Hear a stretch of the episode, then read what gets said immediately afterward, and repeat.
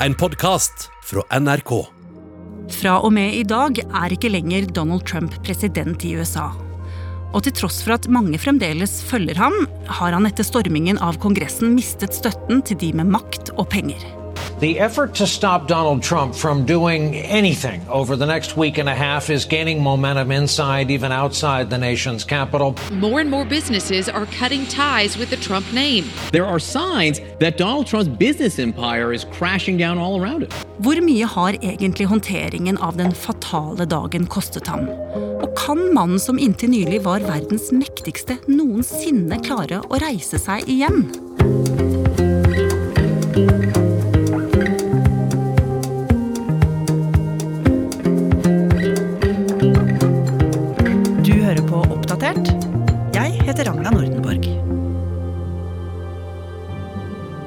For å forstå det som skjer med Trump nå, så må vi tilbake til den dramatiske formiddagen 6. januar, da Trump holdt denne skjebnesvangre talen til titusenvis av tilhengere på plenen foran Det hvite hus. Just, again, uh, a kind of be De hadde jo møtt fram fordi de var helt overbevist om at Trump hadde vunnet presidentvalget, at valget var stjålet. Og Trump lot de ikke tro noe annet. Han ba dem å kjempe så hardt de kunne for det de trodde på. and after this, we're going to walk down, and I'll be there with you. We're going to walk down to the Capitol, and we're going to cheer on our brave senators and congressmen and women. And we're probably not going to be cheering so much for. I talen sin så sa Trump at han ville gå sammen med demonstrantene opp til Kongressen. Det gjorde han ikke, han gikk rett inn igjen i Det hvite hus. Og der kunne han sitte og se på TV at tilhengerne hans knuste vinduer. Presset seg forbi politiet med vold. Og etter hvert så stormet flere hundre av dem inn i Kongressen. Tove Bjørgaas har vært NRKs USA-korrespondent og er nå programleder i podkasten Krig og fred. Og etter hvert som TV-bildene ble mer og mer skremmende, så forsøkte jo mange å få tak i president Trump for å gi beskjed om at han måtte stoppe dette her. Det var jo han som hadde oppfordret tilhengerne til til å kjempe så hardt. Men han ignorerte dem lenge mens opptøyene fortsatte, og til slutt så kom han med en litt halvhjertet Twitter-video der han takket tilhengerne sine for engasjementet, men oppfordret dem til å gå hjem. This was a fraudulent election, but we can't play into the hands of these people. We have to have peace. So go home. We love you. You're very special. I know how you feel.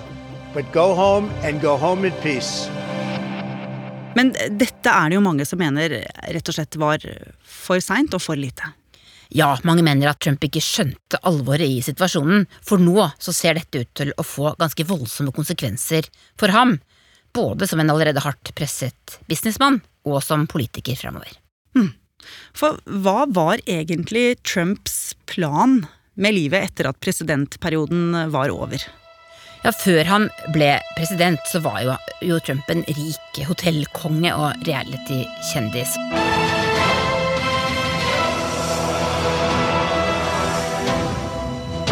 My name's Donald Trump, and I'm the largest real estate developer in New York. Han har jo eh, også sagt at han delvis stilte til presidentvalget for å styrke verdien til merkevaren sin. Eh, den har blitt selvfølgelig vært veldig mye i løpet av disse årene, eh, så nå ville jo Trump ha mulighet til virkelig å melke det enorme navnet sitt videre. Men etter denne kampen han har ført mot valgresultatet, så har han jo også eh, blitt mer og mer opptatt av at valget var stjålet, og sagt at han ønsker å stille opp som presidentkandidat om fire år. Så dette var så absolutt fremdeles en fyr med store ambisjoner. Men Trump møtte motstand allerede mens Kongressen ble stormet.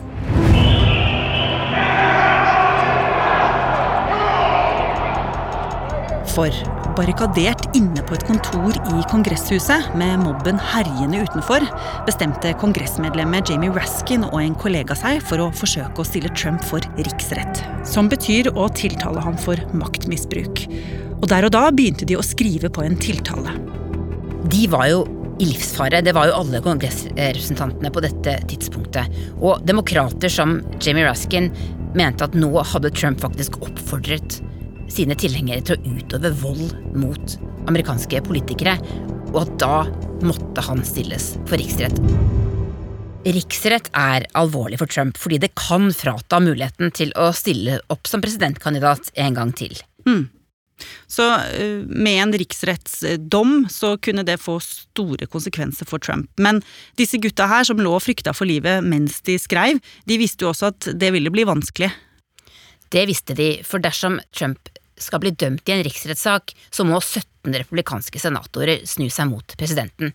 Kanskje tenkte de som lå der på det kontoret at nå var det nesten krig, så nå måtte da republikanerne forstå at de ikke kunne fortsette å støtte denne presidenten. Og i kaoset denne dagen så satt det også andre mektige folk og fulgte nøye med på Trump. Noen han har vært helt avhengig av for å bli den han er, nemlig folka i Twitter. Og da de så hvordan Trump brukte deres plattform til å legge ansvaret for det som har skjedd på politiske motstandere, så bestemte de seg rett og slett for å kaste Trump ut av Twitter, og det på livstid. Twitter has announced it is cutting off President Trump's ability to post on the social media site permanently. Og også andre sosiale medier fulgte jo etter. Både Facebook, Snapchat og Insta stengte ham ute. Og da sto han altså helt uten mulighet til å kommunisere med tilhengerne sine via noen av de store sosiale medieplattformene. Men dette var egentlig bare starten på noen veldig vonde dager for Trump. Det tok nemlig ikke lang tid før det kom et nytt nederlag. Our brand was, you know, at risk uh, if we were at uh, uh, Trump Bedminster. For allerede dagen etter at han var blitt kastet ut av Twitter for godt, fikk han en ny beskjed som skulle gå hardt innpå ham. Den prestisjetunge golfturneringa PGA ville flytte golfturneringen bort fra Trumps golfbaner. Dette skal ifølge New York Times ha gått veldig hardt inn på Trump og gjort ham veldig sint. Golfturneringer er viktig for ham. Han er veldig veldig glad i golf, har spilt masse golf mens han har vært president. Og dette er altså noe han tjener mye penger på, og sikkert hadde håpet å tjene mye penger på når koronapandemien en gang letter. Og bare to dager etter golfnedturen så fikk Trump en ny nedslående nyhet. Banken hans, Deutsche Bank, ville avslutte samarbeidet med ham. Deutsche Bank says it will no longer do business with the president or any of his companies. Germany's largest bank was a lifeline for Donald Trump after a series of bankruptcies in the 1990s when other financial institutions deemed him too risky. Og det er helt krise for Trump. Deutsche Bank har vært hans lojale bank gjennom flere tiår. De har lånt han masse penger, han har hele 340 millioner dollar i gjeld i denne banken og har personlig garantert for disse lånene, og fordi han har hatt et så sterkt navn, så har de fortsatt å låne ham penger, selv om vi nå vet at Trump han har veldig veldig eh, mye gjeld, eh, og er kanskje ikke en sånn suksess som han selv eh, har sagt. Nå er hotellene hans tomme på grunn av korona. Mange av kontorbyggene han eier, er også forlatt. Han må betale tilbake disse lånene om få år, og han får altså ikke nye. I hvert fall ikke fra Deutsche Bank. Og i dagene som fulgte, bestemte flere banker seg for å kutte alle bånd. Og på toppen av det hele, etter en uke med bare dårlige nyheter, kunne Trump følge pressekonferansen til borgermesteren i New York, som sa at de rett og slett slo opp med han som samarbeidspartner. Byen ville rett og slett ikke lenger at han skulle drive to skøytebaner og en golfbane, f.eks. Goodbye to the Trump organization. We're not doing any business with you. By the way, a lot of other people are not doing any business with you any longer. Men til tross for denne endeløse rekken av folk som ville stikke kjepper i hjulene for han, så kjørte han på med samme taktikk. Han hamra løs på motstanderne som alltid. Be careful what you wish for. The impeachment hoax is a continuation of the greatest and most vicious witch hunt in the history of our country and is causing tremendous anger and division and pain. Men så ble det klart at de to kongressmedlemmene som fikk ideen til å stille Trump for riksrett, fikk det som de ville.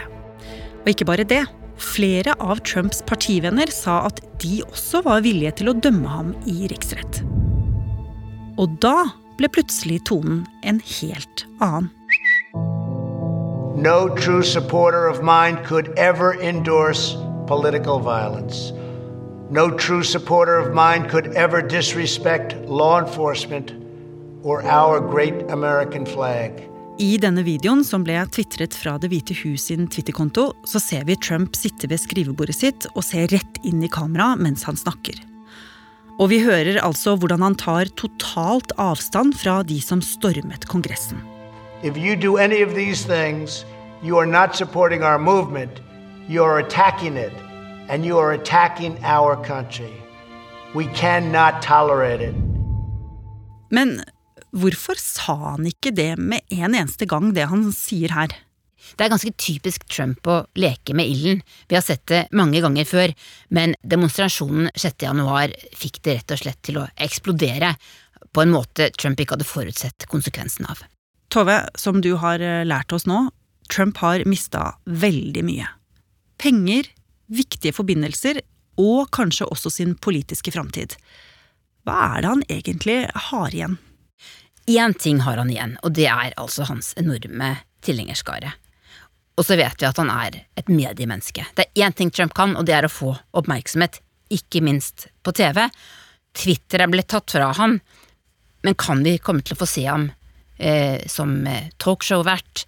Kan det tenkes at han starter sin egen TV-kanal? Hvis han skal tjene penger, og det trenger han jo for å betale tilbake alle disse lånene, så må han være i media. Det tror jeg vi kan være ganske sikre på. Og akkurat nå virker det kanskje ikke så sannsynlig at Trump kan stille til presidentvalg om fire år, etter alt det som har skjedd, og etter at mange av hans egne har snudd seg mot ham.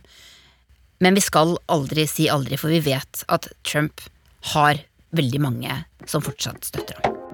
Og hvis du vil høre hva kanalen Fox News og andre høyreorienterte medier skal gjøre etter Trump, da kan du høre Tove i Krig og fred.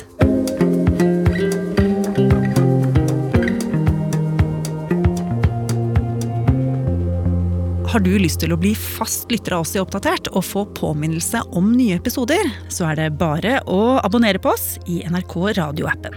Og så er det veldig hyggelig hvis du vil anbefale oss til en venn. Oppdatert er en podkast fra NRK Nyheter, og denne episoden er laget av Ida Tune Øretsland, Irina Kjelle, Andreas Berge og meg, Ragna Nordenborg. Eva Midthun Leira er redaksjonssjef. Vil du kontakte oss, gjør gjerne det på oppdatert alfakrøll. Du har hørt en podkast fra NRK. Hør flere podkaster og din favorittkanal i appen NRK Radio.